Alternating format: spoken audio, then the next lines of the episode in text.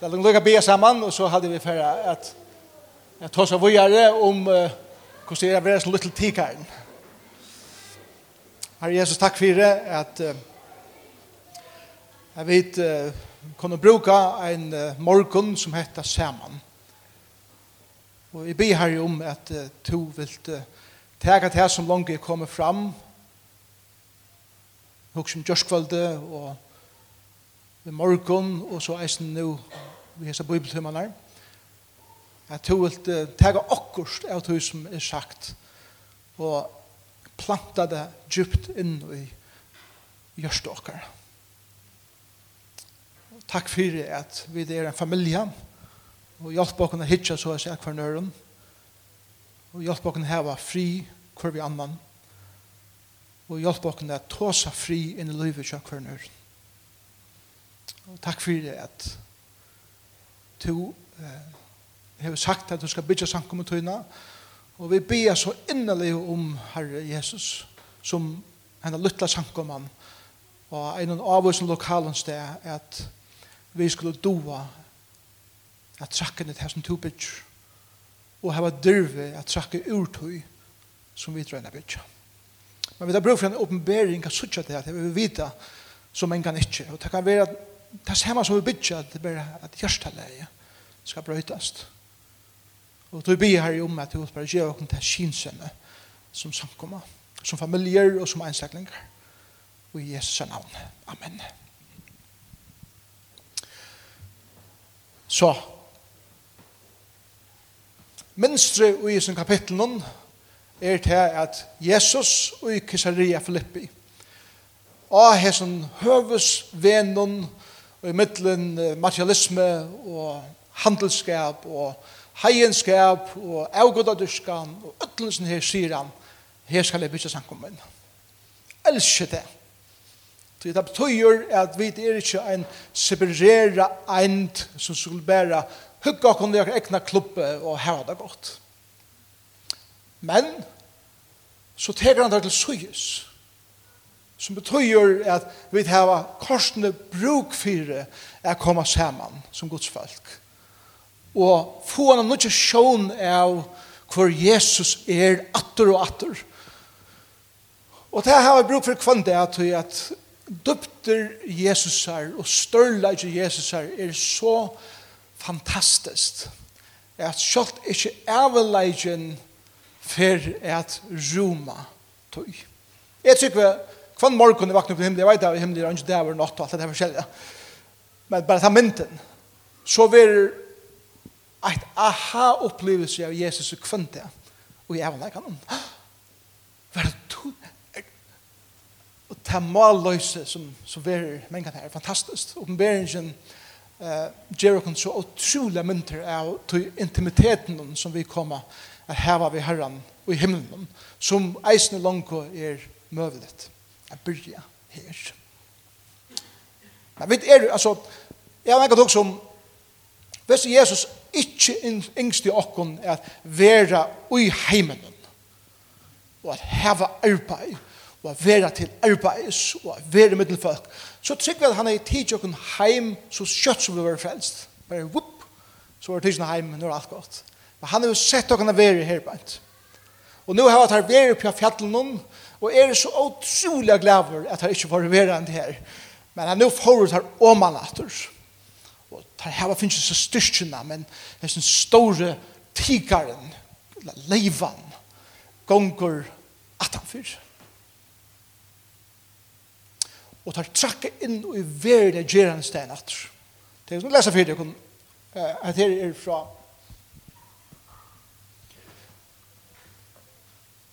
Det skjøter man, kan tala sånn her, så. Ein for å si at, tveir måter av livet på. Den fyrre måten som vi menn kan liva, vi tog attityden at jeg skal få som mest på av livet og vil gjøre alt som skal til for å fullføre det. Det er ikke gale i setningen i sjølven, det er fullt å vil gjøre det, men hvis attityden er til det, er det som jeg vil, og alle andre skulle være det som gjør meg det, så er det avgoda dyrskan. Og god vil hava kun jeg få en attityde som er hettar at det lyder og er god for jeg gjør meg til som er ikke mest i løyven og til er samfellet vi god. Ikke minne igjen til selv ikke sikningene som han gjør meg for jeg gjør meg nøkten ved det som mot innast av løyv ikke. Den mest beste er ikke det som god har bjør oss, han har bjør oss og så sjølvan. Og til det beste. Det Og tar vi teka hendan setningen inn i hendan setningen vi hæsen hukkboren så er det altså til grenselest hva vi kunne gjøre som godsfall ta oss. Og det er veldig avvarskan kommer til hava. Og til det som tar nu færre åmanatter i delen vi. La meg lesa fyrir hva hender. Så kjøtt som tar kommer åmanatter i delen så leser vi fra vers 14 Ta ut her, så kom og til folket. Kom over til hans herre. Fattel av knæ fyrir honom og sier, herre, miskunna sine munnen. Han hever nyrfallsjuko og pynest svorlega. Ofta detter han i eld, og ofta i vatten. Og jeg kom til, eller vi honom til lærersannartøyner, men tar kom du ikke grua han. Da sverar Jesus, til vant truna og rengvarga at. Hvordan landet skal levera tja tikkun? Hvordan landet skal det tåla tikkun? Føye mer han her. Og Jesus tala i herliga til hans herra. Ta for ytli anden ut ur honom. Og dronkeren var grøtter fra sånne stund. Det er hele vers. Nukjende vers. Ta for å lære seg nær til Jesus, avsøyes og søtte. Hvor kunne du vite ikke rek han ut?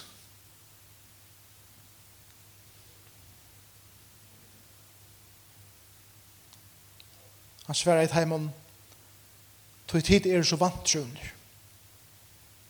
Det sannlige jeg sier til henne, her var det trygg som sinnapskodden. Kunne til sier vi etter fjall. Flyte her, eller herne og her, og det skal flyte seg. Og ønske skal være til henne av mølet. Men hetta slæ, altså hetta slæ er et eller annet som Jesus just har rydget ut. Fer ikke ut, utan vi bøn og fest. Her er utrolig nekker sannleikar ui hans nær. Jeg får komme atter til nekker av ting, ting som jeg har nevnt ui, ui framtøyer til om. Men Jeg skal bare nevne noen ting her som er ure og medelige og avhåverd. Vit er kattleie er færre ut. Vi er ikke kattleie til at bare komme sammen til okkara møter og hava det godt saman, kjøtten til en par. Vi er kattla i ta ut det fyllt er færa ut og færa til verska. Vi til myndleggene og kraften som Jesus skjer okken. Jeg har sagt det flere før. jeg vet ikke om at det er en verleisje og noe ikke men jeg har sagt det veldig ofte, og til det hørs med en gang sier det, at jeg håper at vi høves utgångene for at skiltet henga innanfyr. Så da vi ferdig av møten, så vil det sånn da, velkomne ut av misjonsmaskinen. Så, så tid, til hun begynner å gjøre skilten også kjøtt, jeg vil flytte inn kjøtt. Jeg må få snakke Johan om hva som skal henge av Johan. men jeg vet ikke om det skal være fysisk, men bare ta en attityden, nå trøtt jeg ut, og i min verden gjør han det sted, og jeg møter noen tingene her. Her. For det første, så lærdes lærer han her på en, at Jesus teger noen om han, og det første som der møter er som papen, som, som kommer til Jesus ved neiene som han hever sin løyve om sin son. Og vi er kattla i affæra inn i en heim som løyer stora nei, som er sval, svarare hjertakvøl om løyve som strøyest vi sånne ting som materialismen gjør vi okkara liv, og vi er en pastor av tog, vi er en pastor av tog liven. Og, og det som herren kallar okkon til fra okkara fjalla erfaringen er at trakka inn i livet manna morgon ta i ferdig arbeid så er møti opp. Og det er at og Jesus han navne tætje abert her som er i det. Tann tytan er avmedelig områdende fyrir okkar liv. Lyga mykje hva det er fullkomlig avhengut av hva vi gjør. Tøyen og min oppgave, lyga mykje hver to er til det er og hva vi gjør, er at jeg tar ikke arbeid i det. Først og fremst fyrir meg sjálfun, men eisne teimen som er rundt om meg. Og til færre lærersfanninger å lære nå tar jeg til å komme om han etter i. Og tar jeg se, Jesus sier det, og i ødelen kapitlen og æren, hva han er grøtt, og han er rigid eller andre ut, og alt det som Jesus har gjort, og i verda gjerne og nå blir jeg lærer sånn at jeg skulle kunne gjøre det samme selv. Det går arbeid, tar man ser tørven rundt om seg. Det neste til dette er, at kjenne sånne egne avmarsinger, og ettersøkende etter ære. Lærer sånn at sier, og for at Jesus er så Jesus, hvordan blir det til at jeg er ikke kommet til dette her? Høyre til tonaleie? Tonaleie er, jeg synes det er sånn her, at ja, men, altså, jeg har rønt og kjørt nekk ting til navnet, og ikke rikker. Hvor rikker det ikke? Hvor Og så er det det som er underliggende under tøy atter er etter, tar vi er i holden om. Hvor kan jeg ikke gjøre ting som jeg vil satte for, og som jeg kan få ærene av, som mitt navn kan standa vi. Her var tid til. Er det ikke pura naturligt at få ærene fire til som tid her var gjørst? Er det ikke det? Altså, det er ikke galt. Jeg får det som tid sitter skola på en og ordet, at som svære lærere. Altså, Hatt det pura, hatt det pura naturligt Det som jeg har gjort, det som jeg har strust for å gjøre, og det som jeg har virkelig lagt tøy i å gjøre, det har jeg oppebåret få ærene fire. Ja? Absolutt. Men god for etter tøy underlig kjent. Og det er den holdslige troen etter er. Hver vidt kunne opinere ånder og sige at det var, var det. Sjån sier, nei, herren er her. Det minner meg hinn taleren, hver en, en, en person kom til denne taleren, og han har haft denne fina tale, og så sier personen eh, vi, vi taleren, det er fantastisk tale du har, det er tusen av fire. Og som taleren sier, nei, nei, nei, det var, det var hele anden. Og så svarer hinn at, nei, det var ikke så god, helt, altså.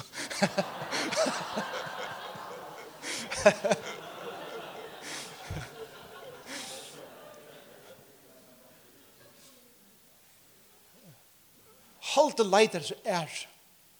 Og tror ikke gale vi tog.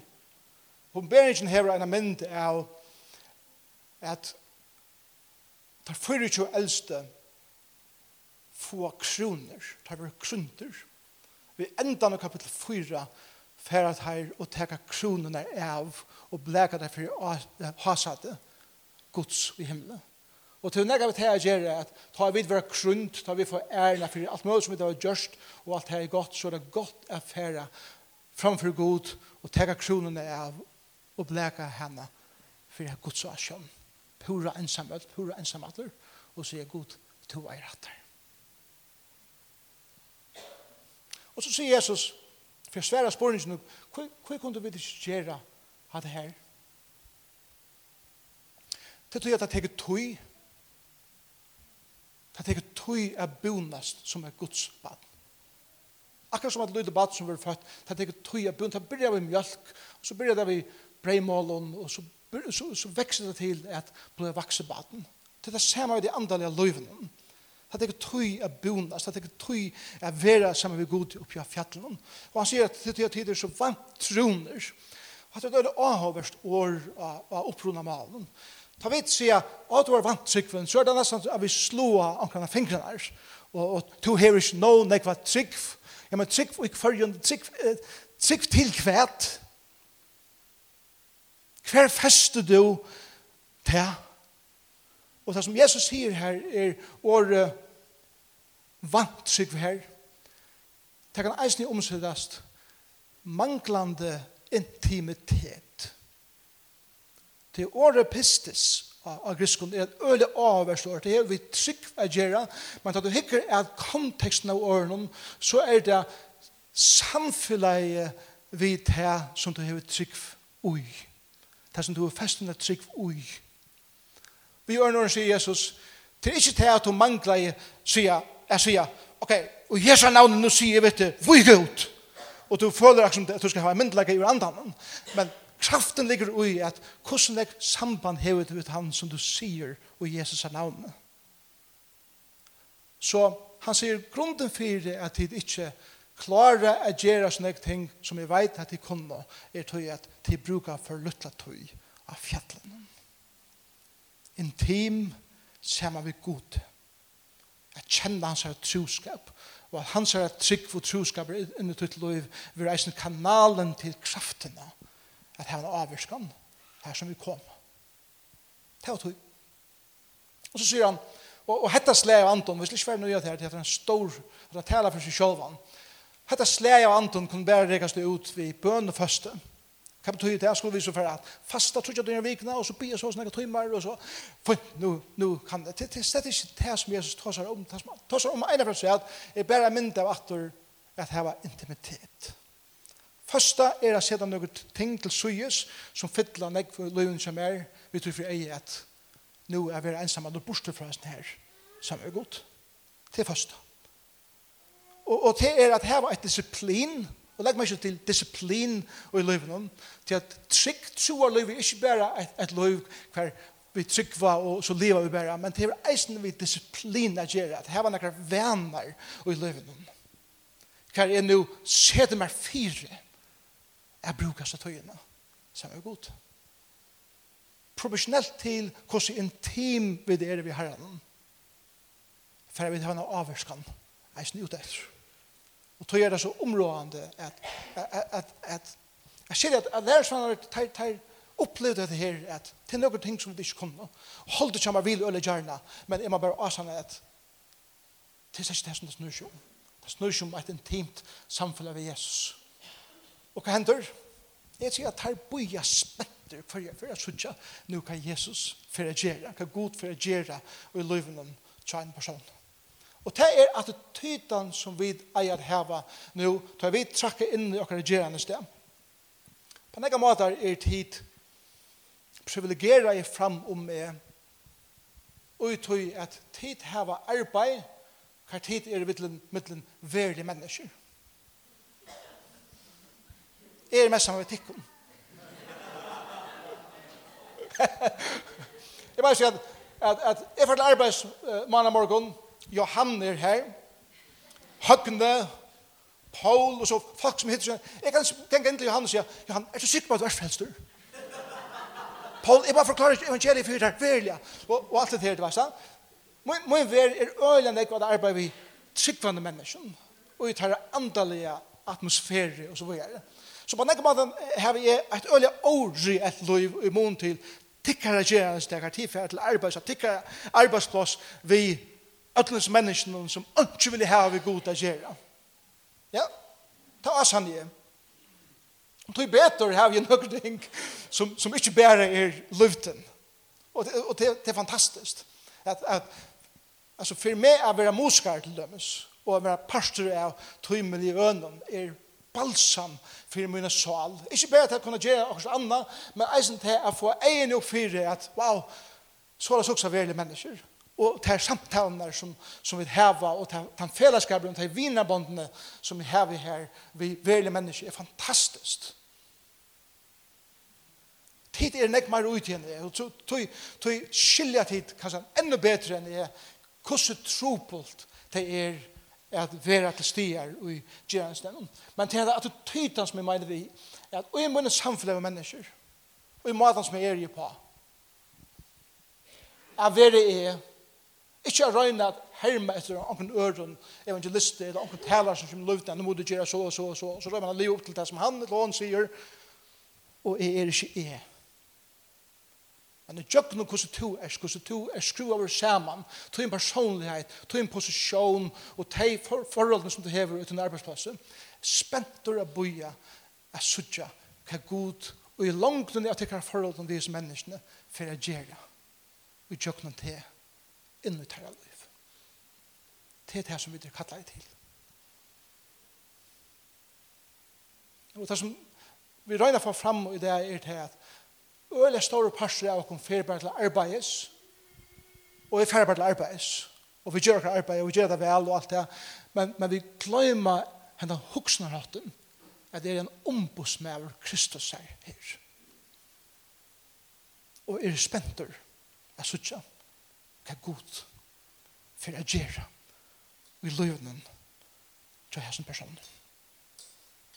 Nå, jeg gjør det noen ting her, Bent. Det er så redan ikke måter som, vi, som tryggvande folk oppfører seg i heimen. Og hvordan vi sutja okkara rolle i heimen? Jeg, jeg vil et kors til som skal bare helt kjøtt vise at det kun matar som tryggvande folk og vi er sikkert inni her bare omboa at det er så her eh, kategoriner suttja opp på hvordan jeg skal være i heimen. Ein typa er at være i måte monumentan. Og det er at fordøma alt. Alt er synd. Du måst halda det vekk fra öllum i samfunnet og til anstøva og til er oppreister i måter öllum. Som en typan det er såles. Alt vi peitje fingren, alla tøyene ut i samfunnet, at hatt er synd og skammet ikon og hatt er mod ikon, de er ikke fer her alla tøyen hattar. Så det andre bakker, det er det som omfevner mentan. Og det er godtega alt, og er vinnerlig og pura verslig. Det er ikke måneder av mer og himmelen. Ja, jeg har finnet en billett til himmel, som annars liv er akkurat som jeg vil. Og gjør jeg alt det som min vantsøkende vinner gjør. jeg. Ikke måneder, eneste måneder av mer og hånden er det at jeg sover langere ned søndag morgen er for jeg møter annars som så er ånden måneder. Det er eisen sikkert folk som liva så. Den tredje kategorien er det som, kallar for, det som jeg kallar for omanfyre mentan. Og jeg kjenner at heimen er skillnaver, og kjenslan som heimen hever for heimen er til hukmaur. Til litt til pum vid tid mentaliteten. Jeg er tryggvande er bedre enn tid. Vi sier ikke det her i åren, så sier vi ikke det.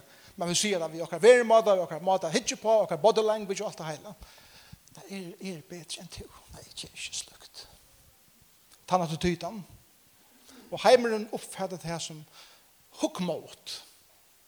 Stolte personer som er fullkomlig kontrast til det som Jesus vær. Men så er det som vi er åkken, og det må vi da sammen.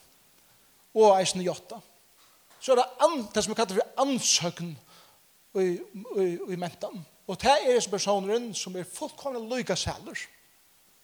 Det er ånga mening om nega som helst. Først er det kommer til eh, hvordan jeg skal være som en tryggvande, og heldig ikke hvordan jeg annars hva for meninger jeg har om forskjellig. Det er sånn ahua løse og ahbyrda løse om annars, det er livet bare.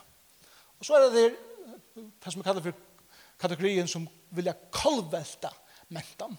Og det er at vi skulle ha en avvurskan vid det øyla virken og ved det øyla avløypanden. Og det er hese her typenar som på øyla nekvan eisne måter vi lov vilja brøyda land, men brøyda kjørst. Og skulle ha en avvurskan, vi skulle kristne okra land, vi skulle kolvelta okra land, alt skulle liva under kristne meireglon og så videre og forvanta til at så for samfunnet er brøytast. Trobladisen er bare det er ikke. Og, og det som jeg sier er til at vi må hitje til sånne her fem kategoriene og se hva kan sjå hver av hesten her er i til at om at her er kjenne mitt liv så er alle disse fem kategoriene skaivar.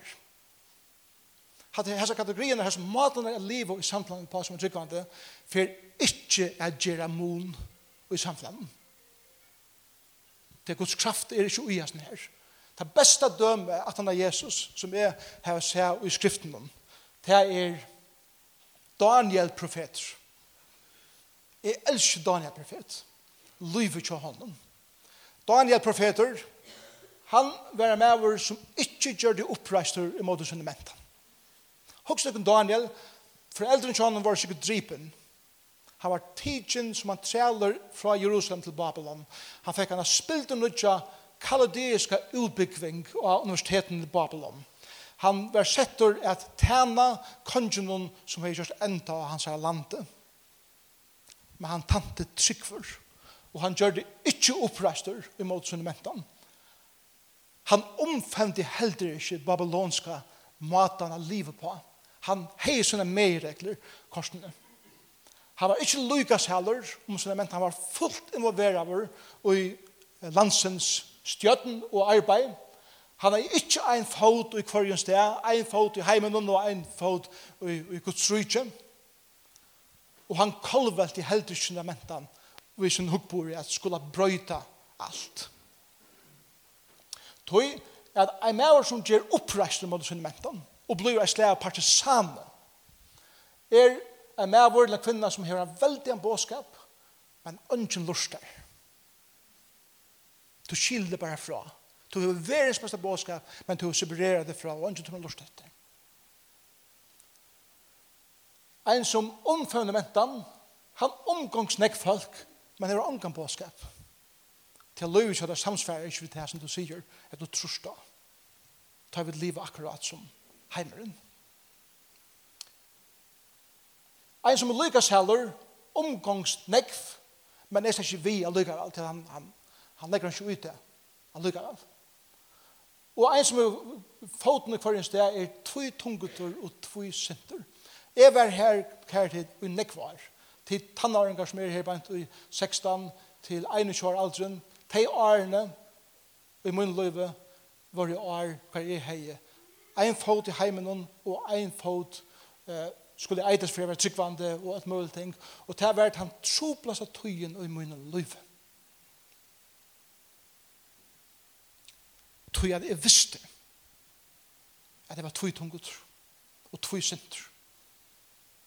Og det er troplass det jeg var. Og en som vil kolvelta mentan vil brøyde utkjønt utan å brøyde hjertet. Daniel var ikke nekare i hans nær. Og fortell dere hvor Daniel var. Daniel, han leser en setningsvirdikum, jeg vet at det suttjer han ikke etter. Daniel levde orvægen og virkjen og mentan. Han er hotla vitan om at møvelig ting. Han er grunnleggjande samføringar og gjør det sitt arbeid til fullnar og lytar utan å venta god og sinne bæt. Han levde og tala i sannleikan øtta leiser utan å krøsta sinne trygg nyer i hulsen av øren men var villigur a bæra avleggingarna. Hatta er det som jeg halte jeg vet ikke hva det er til at liva og tar vi et liva som hæsum som Daniel ta er han en mavur med en nekv menneske vi er en løs ombrøytande bådskapet og løs til og hatta hender bæra hvis vi først dodja til okken sjolv og oppleva Jesus i fjallen og fære han i det alle med honom at møte mennesken. Daniel var med oss som leid av god at han skulle djeve noen det som han langtes mest etter løyven og til å være samfunnet av god og ønske minne. Kosta hva det kosta vil. Daniel var blek av leivebøle. So be it. Vinen ikke Daniel var blek av eldsånen. So be it. Tog er det Jesus spyr okkom, og spyr til om er øyla personlig, er du klar at dødja? Er du klar at djeva ditt liv for Jesus? Er du rannsengan spørninger? Spørningren åren til er, er du vilja at deia til holdslige uten livet? Og ikke for vi er ut her, er vi klar eisen at vilja djeva akkurat liv. Fyre Jesus Kristus. Hvordan ser det her ut? Det første halde jeg at vi nevnte det her i antalen og en dag Og det er henne djekven som vi har gjort og i middelen det som er andalet og det som er verslet. Hver flere av oss sier at mitt andalige liv, det er det er det kanskje møte, det er det tænne og omkring og vi først vittne for omkring, det er mitt andalige liv. Hvis jeg spør til dere, hvis dere hadde sett dere nyer, og vi tykker vi ikke skjema, og til skriva pura, altså ærlig nyer, hvordan dere tog brug i, og i tog som jeg kallar for andalet, møter og funder av tysle og så videre. Hvordan er det timer halda dit til hver om vikene, tjadikon? Prøv å råpe okker skåd opp. Hvordan er det timer? Fyra, sier okker. Fem.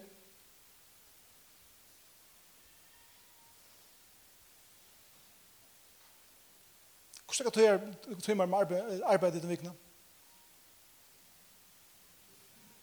Trush, har du det? Ja. Fjører til kurser. Så ganger vi ved øyla ringer samvisk.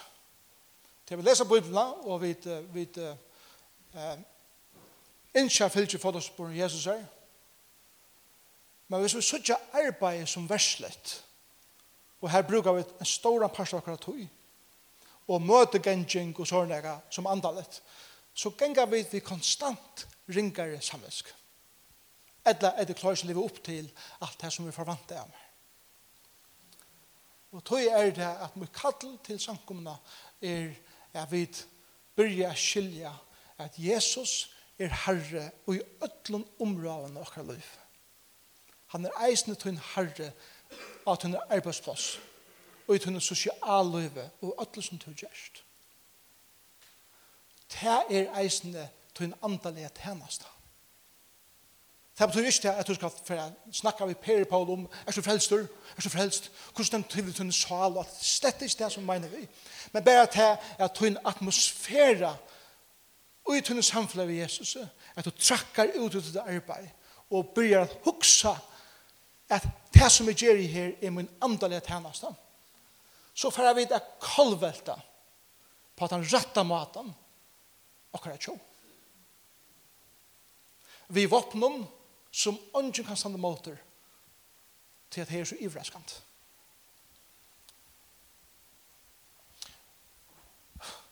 Jeg går hos meg brukt nekka tøy på det her, men doktorgraden som er en stor part om det her, hvordan jeg musikere eier at suttja til å spille musikk, eisen ut i heimen, er en andalig tjeneste, for så kommer vi til attityden inn i tjeneste.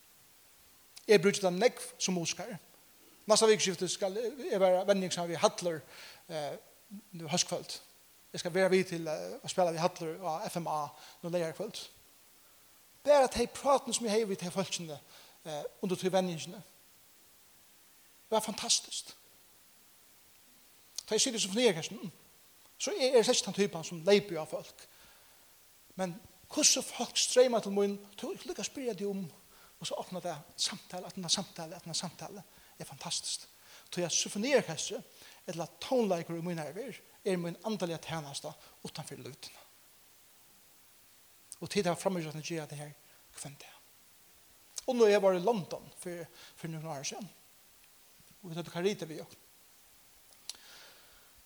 Sundag morgen så får vi et møte i Hillsong i London. Det var et funnet møte at han var døvra, så får vi til Lion King, Leisjen. Og nå er og Karita var pura samt om ta i Lion King, Leikren var liver, var det et nekk større andalet opplevelse enn Hillsong var. Og ikke gale vi Hillsong. Vi elsker Hillsong og det som det gjør. Men tar man trakkar inn og man får hitja det en leit. Man hever at tytene at jeg fer inn her og jeg vet at sjalt og jøkken her kan herre vysa mer når jeg ser. Det er fantastisk. Little Simba. Han viltest ut og i det stedet som han omgående måtte fære og knappt lever ulvaner her fremme fyrir. han brølar. Er det for og tre for den brølar så kommer et øyle brøl. Han var det stolt av seg selv. Han vet ikke at papen sendte at han for. Men den ja, ja, knappt er det god som brølar. Sannleggene som er åpenbæra i vesen her. Knappt er døyr papen, Charlotte Simbat. simpat og skarf kommer inn og gjør litt simpel skiltene for jeg påpå seg døy. Som avvarskar alt liv i kjøn. Inntil knapplig han vil forløst og for en og fire at det er ikke min skyld, jeg er bare døy. Her er så nekker andalig sannleggere utløsninger. At har vi byrja at hitje er at okkara involvering i det som vi gjør annars løyvinom, vi tar taimann eginom, så får akkurat løyve få en spilt og nødja dimensjon av så utrolig enn jeg kan preier av hva god til før for jeg gjør. Vi gjør alt akkurat løyve. Tog er det er ikke gjør mon av andalet og verslet. Jeg røyner akkurat her gjør som nek vekk som jeg kan, men jeg gjør mon av andalet og det som vi ønsker å kalle for profeten. Og det er noe som er vi er stidgelig, bant og motor tog som bådskapen om Jesus annars er. Og det er vidt at det er flere ting. Og det skal vi ha noen vekk fra. Hva vi vite at det er vi styrkelig, beinleis og i ansøkning vi det som god gjør i sneim. Her er en separasjon. Men vi har gjort alt, altså gjønna alt for, for, for breia. Så, tid, er det for sett. Det er tvær måter av livet. Hvordan livet vet? Ta vi færre ut i heimen, og vi omgangas folk. Det gjør vi ødel rekkelig. Vi omgangas folk. Som jeg dekken er stjårer, og til omgangas tikkere arbeidsfolk under dekken. Som jeg dekken arbeide sammen vi gjør, og til omgangas de som til arbeid sammen vi, og hava en stjåra i viddekken som til det eisen skulle ha forhold til. Til det hava sosial samfunn og et møvlingsle og avhånd av mennesker og alt det. Vi vil alt heva disse veldig møvleikene at hava en avvurskan ved Jesus navnet her som vi kom. Og har var et minster som jeg eisen brukte annars i, i, i mine doktorreager, og til nekken måter jeg viser det her på, men jeg har bare valgt å vise det på hendamaten, at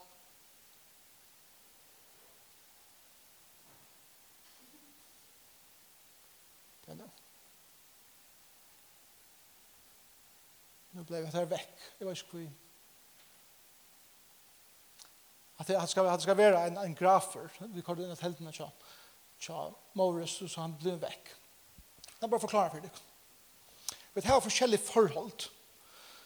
Tjattnan er akkurat samfunnet vi mennesker er at kunne fortelle dem om Kristus og krossen. Til tjattnan og til djupast vi kunne komme inn og gjøre samfunnet vi er annan person på. Trobeleisen og akkurat forholdene vi menneskene er til at nekker av kun leipa beint inn i til og spyrja hvordan den til vil tunne så alt. Det er så frelster, det er et eller annet. Og vi tar her lukke av for den personen jeg snakker vi. Tog er det at det er suttja at, at vi, vi har forskjellige, eh, forskjellige lø og i akkurat kommunikasjon vi folk. Det åtteste leie som jeg ikke viser til kun er at her at jeg har et pura gjerende slitt forhold vi folk. Det kan være mine grannar som jeg møter ute, eller ankrar som jeg møter ute, tar jeg ut i havanon, og jeg sier like hei, og hvordan til, og til jeg prater. Det har vi død, vi mennesker. Ta neste leie inn fra tog er at så er det folk som har felaks AHA-mal vi. Og jeg husker om, om uh, flere tekken uh, som ganger i fjøtlen. Det er det neste leie vi mennesker.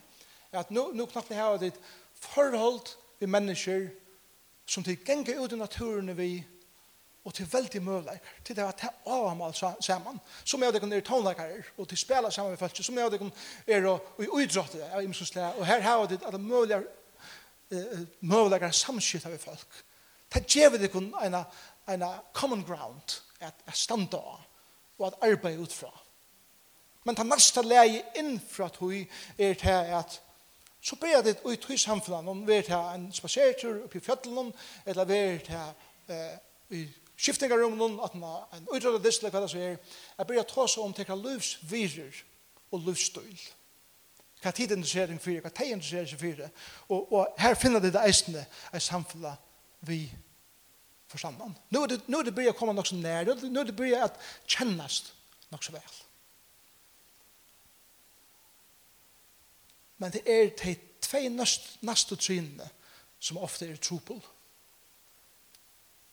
Særlig at det kommer til attityde. Og det neste trynet er at byrja at tåra og ljøsene av lysvirun at håsa om bibelskar samleikar. Så at lysvir kan være fyrirgjøring. Det er fyrirgjøring, det er et generelt evne. Men då og to ut i samtalene er for at det er inn og gjerne bibelskar fyrirgjøring. Eller karlækar. Hva er det hva? Nu snakker vi det til om. Då og to i to samtalene er fører samtalene inn i en samtale om Guds kærlighet. Og så gjerne det innast at trine til jeg sier er fyrtjøven vi må innan skilt, hvordan vi tar men hatt kan jeg ikke gjøre før jeg har vært i kjøkken alle hine trinene først Jeg må oppbygge meg respekt og alit. jeg kunne spyrja den spurningen og den samtalen så at det er ekta forhold i mellom meg og den personen. Tøy trygg vi er øyla lydig på og skilder sier såleis evangelisk møter. Jeg vet at Gud kan gjøre nek stor ting her. Men jeg bare prædik evangeliet ut, og så bare vant det at onker skal bli frelstor er funnet. Men jeg tykker at den største avvarskan som vi kunne heva i okra liv er til ein og hver okkara. Og ikke bare oppgående til tog evangelisten som sender taler i visse sørre mannafjøltene, men ein og hver okkara. Og i okkara forholden i folk som jeg annars kjenner skal komme her inn og i munnen samtalen og i munnen forholdet vi tampersonen. Og det er en fer som teker tøy. Men det som er regner å gjøre i morgen, er å gjøre oss bevusst om å begynne å huske såleis. Og i akkurat forholden vi mennesker. Ta i det kjennes naturlig. Og vi er spent om å suttje hva det er som god gjør. Jeg får be om å lytte løte for å be høgna komme opp her. Han får fortelle om, om noen sånne praktiske dømer om hvordan det her ser ut i, i gjenslen. Men la meg lykke Arjen, Arjen til. Viser deg noen ånder, bare enda vi en mynd her. Handa mynden. Hesa mynden har vi et hitje. Hatta er en mynd, som, eller hatta er en, en standemynd, som stender i eh, og i tøy grøna, eller ein av tøy de grøna økjennom utanfor Dallas Seminary her som jeg var nærmere. Og hatt en standamenn som er Gjørdur Kåper. Han er rettelig stor og flott. Og vet dere hva det er for mynd? Så jeg litt? At det tar Jesus vaskar Peter om føttene. Og jeg skulle ha vist ikke alle myndene og Arne fokusere inn på det her, men Man ser hvordan frustreret Peter er. Pura iverraskaver. At han er ikke forvant at Jesus får gjøre det her viset. Men tar Jesus og taler vi igjen, medan han vaskar den føttene og tæner den, så får Peter fri. Og så sier Peter, kanskje bare vaskar man alle kroppen. Peter, han, til som uh, har skil på personlighet og sånn, hvordan folk er og alt det der. Peter er et utrolig stort til studio. Jeg har hørt pura, spontana og ivedrivende personen. Hva skal man prate som er? det? Og jeg sier, nei, nei, nei. Du er, du er så regner. Jeg var ikke bare føttene. Og så, så viser han andre som blir litt og uttøy. Men det som jeg vil vise myndene er, jeg sier, Hvis vi kunne fære ut bevusst middel til menneskene som vi omgengast i akkurat liv og ivraska deg. Vi tror som det ikke er råkna vi fra okken så blir det fantastisk.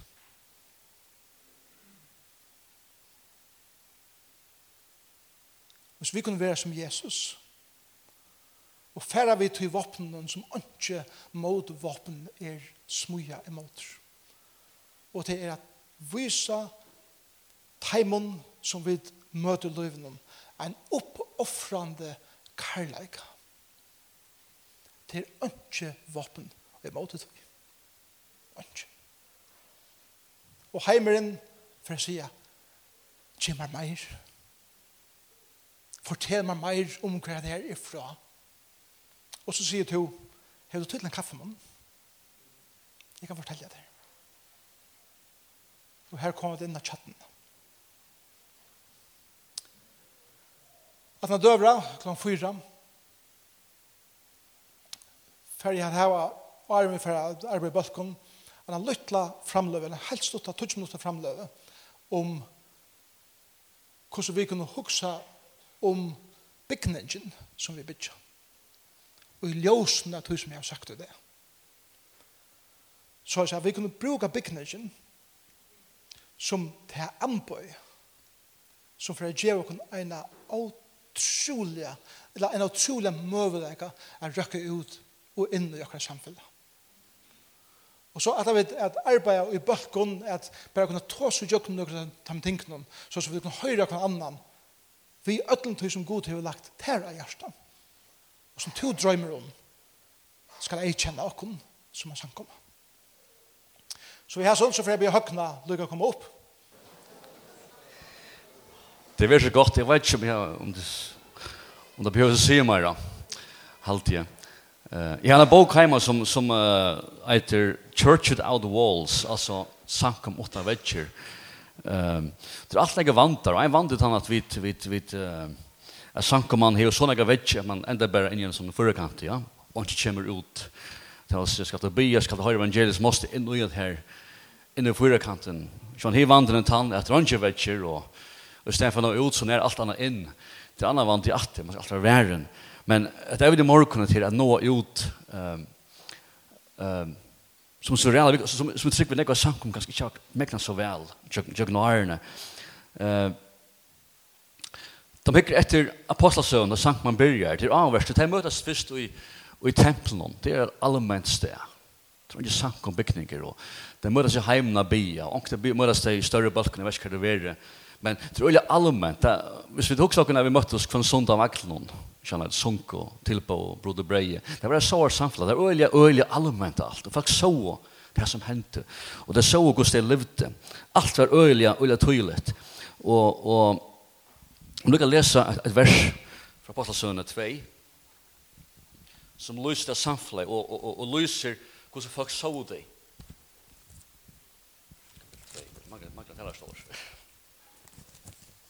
Kapitel 2. Brøyder, det stender,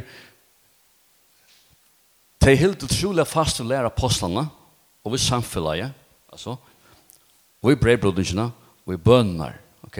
Så det är det på plats där. Och så ständer åtte komna kvarja sal. Det är ju avskan det är ju avskan ut efter. Åtte komna kvarja sal och många undrar täcker var gjort vi vi aposteln.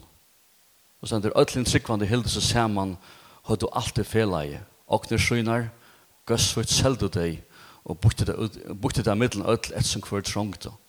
Det kommer kvant det ahaldande templet ene hjärta og brod og brei hjemme ved hus, og finne såleis førsene av glede og einfeil i hjertens til lov av gode, og vår nekk omhildne, og vår nekk omhildne øtlen falskjennom, og herrelig daglig at træt heim og nøkker som låt seg frelsa. hatt var mynden som folk høtt av det første samkomne Det er øyelig allment, ja, det rakk ut etter, det gjør det ut etter, det er ikke så øyelig alle fyra kanter inn i en rom. Alt, alt, alt var skjønnligt, og man, man lukket som, man sa alt. Um, Jeg tykker heimeren sa ta at, at, at uh, er du parster her som flatsen, her som bølsen, så vil du omgang du til at. Du er omgang helt utenfor. Og det var verst av parster der, men man sa hvordan det brøtte mennesker og, og mann og liv og samfunnet i eisene. Så så la jeg spørre kristendommen. Øyelig allmenn religion. Man sa alt som det gjør, hvordan det levde, og det er kallvelte. Det Det er kolvelt i alt. Og så, så man følger vi kristne første øren århundra, det er noe som bare vekser, og, og det vekser, og det spreier seg, og, og flere og flere blir parster av det, og lut har vært brått, og helt samfunnet har brått. Det er kolvelt i alt det kommer, men alt er skjønnligt. Alt røkker ut etter. Og, og Paulus han skriver såleis, i, om du kan lese i Klossebraun, kapittel 8, han sier bare så leis, jeg elsker verser, han sier, Han sier, han tar om evangeliet som kom i tiltekkere, anser det eisen er i ødelheimen og blir avvokst og vekser. Som jeg tikkene fra det deg, det hører det, og sånn lær det kjenne noe eget. Så hva er det som vi prætka? Det er ikke som vi bare slipper leisen, ikke sant? Hatt evangeliet. Du slipper til leisen, og du har ikke langer kontroll i det. Det blir takk iver, det blir brøyda mennesker, det vekser, det spreis, Att evangeliet. Det tror att att att att evangeliet kallar kraft Guds. Ja? Det är först och främst kraft Guds. Det är det som är ger, hur så flott jag kan göra det, hur så pent jag kan prata gada etla, hur så väl jag kan dramatisera det, det är först och främst kraft Guds evangeliet. Släpp till lejson, og det gjør sitt arbeid. Det er suttja i første århundra og eisen øren århundra. Det er første kristne var og kalla det som, man kalla det, eller man säger at hatt her det som höjer til vägen. til det det det fyllt til leinen som Jesus säger, hej visst man då. Och ofta också tar vi checkas till folk och har ofta etik på bibeln, det til Heldig sier vers kvart, jeg, jeg fylgjer Jesus. Jeg er hans etterfylgjer. Hans fra læra, hans fra liv, hans fra standarder til min læra, til mitt liv og til min standarder at det er mer personlig. Ikke bare som, altså, jeg tror ikke bare bok, men jeg fyller en personlig. Hans fra liv til, er, til mitt liv. Og, og da Kristian kommer til Antioquia, så får det navnet Kristen. Og det er heite kommer fra folk som ikke var kristen. Så så de at det var noe som fyllte som mannen, Kristus. Det levde som mann. Det hoksa som mann. Det gjør det som mann. Det var kristen. Det er som navnet kommer, det heite kommer fra. Um, så kristendommen begynner som en øyelig kallveltende religion. Og i fyrstene, romerske, romerske leieren, der blir reas kristendommen. Du, det vekser så rævlig kjøtt. Hvis du får lese romerska tekster, så leser ting som lømmes, at det kristne er jo alle stedene. Alle stedene. Hver en boje, hver en bygd, det tek iver alt. Og så leser man at vi har mist kontroll av dem. Ja, det er for sent. Vi kunne ikke stekke det. Ja har man eisne. Och vi tar var en stor hermøye, vi tar var vi tar starka myndleika, vi tar var veldig filosofer, men vi kan ikke gjøre, vi tar mistemer halte. Og sånn elden som bare sprayes som alt romar rich. Hatt er sånn du leser romersk kontekstum om den første kristendommen. Det tar var ikke skolar, ikke skolar, ikke store samkommer, ikke misjonsfellesskap. Hoksa det. Det var allmenn, simpel, men rak vi nekvare kraft som bare spreiter seg alle stedene. Og ikke kan stekke det, hver økonomisk fall, eller, eller alt søkt, det prøver man eisene, og ikke rikka i. Romerne var her, i det kristne, de var spennende for dodge en gang. Det er ringet seg etterland. Det er spennende for dodge, det er spennende for løying. Det er løy vær ikke til mål. Og ein, ein romare som kallas Justin, han rønte å gjøre romersk rydde, romersk atter, romersk Han skriver at, at vi åtta skam skamma oss. Tui, tui, det kristne tekas av sin ekno og av okkar og eisne. Vi burde skamma okkom, sier han. Det er meg som heter i kristendommen. Um, hva skjer så? Uh, her er dere noen dømer. Justin Martyr, han skriver Ørn Aron, han sier til, til dømes at når kristen tar fast ofte at hva er det er, det er mer enn det er kvitt, det mangler mæter. En familie mangler mæt. Hva gjør det så? vi fasta, så tar familjen kan få etta eisne. Hatta vi hattar legend som det fann med kristallun, helt, helt ohorster i fyrjun, hatta støvan va. Man får flere muiler for hver annan. Uh, det var kjent for det kristna ofte om kveldarna er nottna er fer rundt bojen, bygdnar, öll anna svå og hent opp smabøt, nyføyingar som var lagt, det var lagt ut av dodja, det var vanligt to. Høgst han kjente vanliga, man blekka henne ut. Man tror, man tror kanskje Jordan forstod at man lagt short, Men det kristne var kjent for å føre ut om natten og hans bøtten jo på å adaptere det. Ja? At det er jo hårst av døven. Når romer var motis nere at bøtten ble livet. Det var, det var en heier ofte å dreve bøtten. Men det kristne får en motimenta nere. Som er så enda. Uh, vi leser om det heimlese, det som foreldre foreldrelese. Ta av døven, altså bøtten ofte. Så vi var gøttene, og tidsen heim, og det var fostreie. Gøttebøtten, som det er en øyne marran ekvastane. Ja? Kjallna et vers til Sur-Amerika, India, massa gøtebøtten, massa kriminalitet, og stakkelsbrudget. Det er kristne for forbered ut av gøtene og adaptere av det. Simpelt, kjallna et. Det svarer det. Og det var det kjent for.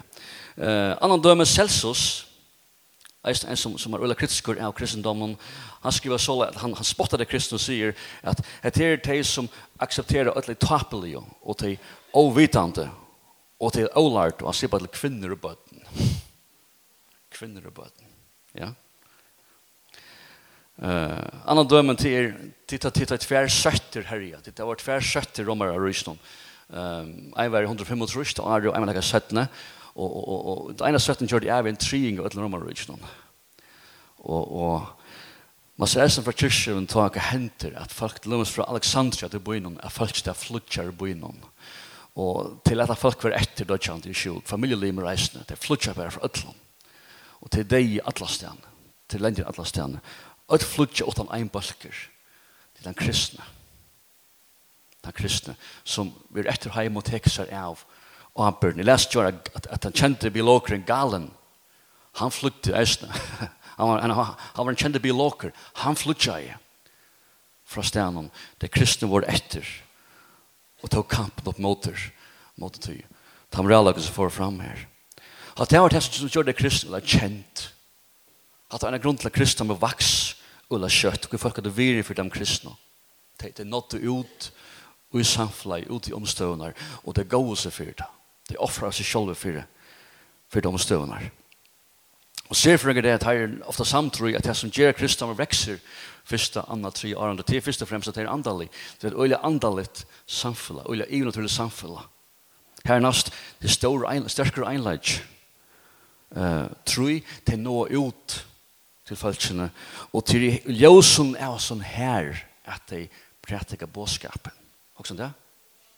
Det er ikke bare ut av at gøtemøte og hvordan folk, folk lurste eller blækker noen traktater og dittner. Det er ikke som hender her. Evangeliet vil prætika og ljøsen av at det er et naturligt samfunn. At det er sterskene einleika. At ønsken, ønsken vil, vil, vil hilden ute og at det nå ut. Det er her som ljósen at evangeliet vil prætika mittlen folkasløyene fra person til person. Og det er det som gjør rom, rom reist kristendommen. Jeg skal enda beina veien her. Uh, det er ikke meila kom til England 2003. Uh, da kom vi til, da kom vi til hele, byen hele Soen i West Midlands, som, som ligger Birmingham Birmingham, og, og Birmingham er ikke så øyelig eh hvis man eh frilast jag bikva till att en boy och neck från neck från ofri och neck från social trouble like och det så vi där och vi kommer gänga när sankom ska läsa Zion Christian Center. Där är också stor sankom här hela sån och det är så nytt för mig här då i sankom höp någon så vet jag sankom så nått ut. Akkurat som det blir jöksen nått ut för det är bara möter och sen drar evangelisering kanske men det är ut och i samfället Da vi kom her, da har jeg seg en Christian Center omlai, da har jeg byrja omlai hundra sosiale prosjekter bare til bøynum og ikke rundt om. Hundra sosiale prosjekter. Det er flere sånne, hva sier man, sånne, sånne mistøyer, folk kan komme for hjelp. Det er aktiv arbeid med fløtta folk, med einlige mammer, med narkomaner, med ungfolk. Det var hundra prosjekter ut i ena bøynum, ut i ena økjennom. Bare for å si en Christian Center. Og jeg minnes en av dagen jeg møtte Shamaila, en kvinne ur, ur Sudan, kallet han bare Aisha. Og hon, kom, hon kom visst fra når, Vi vi hade kom från en muslimsk bakgrund halda vi och och hon var flytt, hon var flötte hon kom till England och sen till Helsona Bikva och och hon sen till psykolog. Hon hade en ölig här bakgrund här upplevelser Och så glögger en ger tas man inte lov till men men men som det var ett han säg händer hel sån han center så kon om man i Sion Christian Center och möte. Det var inte här som hon får hjälp. Ja? Han drar över så. Han säger händer. Det er så falskne, det er som balken her som kan gjøre noe som helst som kan hjelpe. Det var ikke han som kan gjøre det. Så hon sänder man Sion Christian Center Shamaila møter henne i en i Men det er her til så vi skulle, for så tja, det er som balken her som hever liv. Blir jeg parter av sånn her, så er jo vi, alle veien. Jeg kom inn i nekka. Og jeg minnes da vi får å Da vi får fra, jeg minns da vi, ja, det var, det var 2008 først, eller jeg si, jeg minns at rapporten lagt fram av møten, det var, det var om, om arbeid som var gjørst og i hele soven og rundt omkring og en sankomne eisen. Det er flere gjør det da. Det er sosiale arbeid gjørst i hele soven og West Midlands. Det er arbeid som var gjørst her. Og, og, altså, og, og i peningaljer nøkt la det opp på halvt trus millioner om året. Halvt trus millioner kroner om året. Men det er alt, det er alt frivilligt. Det er tryggvande folk. Kristne folk. Som nådde ut. Kjøpne samkomna på imenska mater. Ja, at ravst. Og, og, og man kommer til lystøvn at hvis kristne, hvis kristne folk ikke bor i hele soven i West så har jeg hele økje vært i Rennesteinen. Ja, vi kan også spørre årens Jesus brukar, vi er å ljøse, og vi er å salte, ja, det er så det kallar jeg til. Og da vi får heim til Tutsi, kom han forrige, i Shemaila, ta, ta, ta minnes det vi var at, at møtte her, og, og uh, ta lust vi någon nutjon väldigt mål like samt med funch och det ena målet det ena målet at sen her, at, at samt man funch arbetarna vi flyr skolan alla män i skolan runt om i öknen att ta sig av sexualundervisning i skolan och genom sekulären samfunnet som vent kristendomen bättre hemma lärare där stick motsatta av kristen moral men man som man sa såna grejer som folk någon koste levt då koste bröt och samfunnet koste voro att man lovde hesa folk i skolan at hekka seg av de moralske undervisningene av okkara Hatt Hatta ikke bæra hvis vi livet etter her. Men så kommer det til okkon, skjønner jeg. Vi dreier til til okkon. Jeg får enda vi her. Men, men, men prøv å huksa. Da sa vi om, om Luden bygningen og, og målager, vi kunne være samkomma ut etter. Uh, huksa om hva, hva tura vi jo i. Vi snir, det var langt vi jøkken da, Gerenstavren, Gerenstavren, ja, veldig mulig, du erst ut av misjonsmarsjene kvann. Bruka mulig han. Jeg kan lova deg at hvis du opplever, hvis du er en som opplever herren kvann det, hvis du søker herren, så er det som er, du connecter opp etter, og du har daglig samfunnet god, og folk merker til, så kommer de til to inn. Ja, hvis de merker god ut her, så kommer det til to inn. Minst en tørstegn, skulle være linten en tørstegn, tørstegn vid Therese, og jeg er akkurat kjører køyre, og bilen han blir største. Og sier, djevelen, garantera, larsta djevelen, da, da. Så Johanne Kvarby Åman, jeg kom tøyen ned, og så settene kommer til mekanikeren, jeg vil ikke skille bilen, så nå er ikke om alt siden og røller rett. Men mekanikeren kommer og sier, vær skvært, ikke batterien, det fungerer, er nok av strømme i bilen, er nok av strømme, bare holdet. Motoren er det funnet, Og prøv å starte, ja. Så sier han, du, han vil starte. Han vil største. Men en trobla, tenser han i ferden. Tenser han i ferden. Og det kan være til en løyveløtten at til en tenser i ferden. Jeg tykker de fleste føren, de fleste, de fleste okra kristne løyven, problemet er i streimer, han er her. Motoren er ok. Du vil kjærna. Men, men, Atlan brekker er. Atlan er hent. Og det er vi skuld til, ikke sant? Det er vi skuld til. Du må tentra. Du må tentra. Og det er bare en måte til å connecte opp etter. Det er en som at, hvis du først arbeid så leis kvann det, så, kommer folk til togjen. Du det mest ekka ui til her. Det er ikke nekka at du må si oss nekka endelig. Det er ikke det som omraver. Men det er for enn ekka ui til her. At det er veldig. Det finnes jo kristne vår så leis. Du kommer folk til deg. Ikke sant? Så det er viktig. Hans en måte er ut, bare, bare være en, en åndsfylte kristen. Hatt det det. Og det kommer til til. Den neste er simpelthen vergongt. Det er ikke trobelager for dem. Skjønner jeg? Det er nekk, tørver for dem. Vi rier på omkring måte. Finn det av hver du passer inn. Som jeg har nevnt det.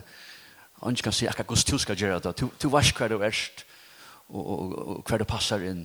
Men, men takk der mulighetene. Takk der mulighetene. Be herren om at man vil at du gjør det visdom om ber seg for der. Han gjør det.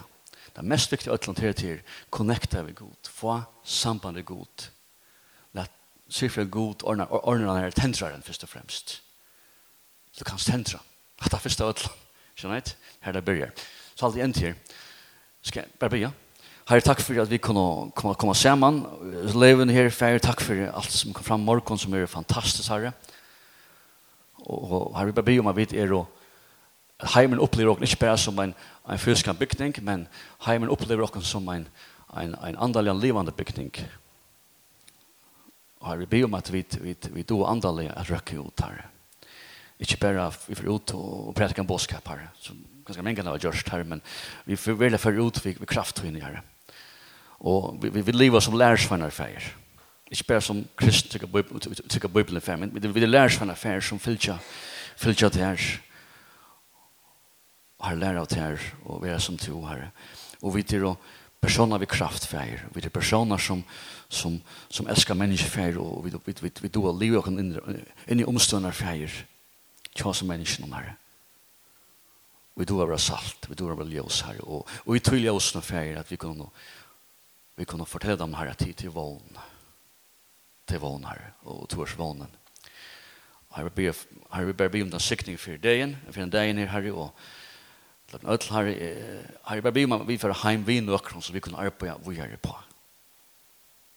Tack om hem. Och Jesu namn. Amen.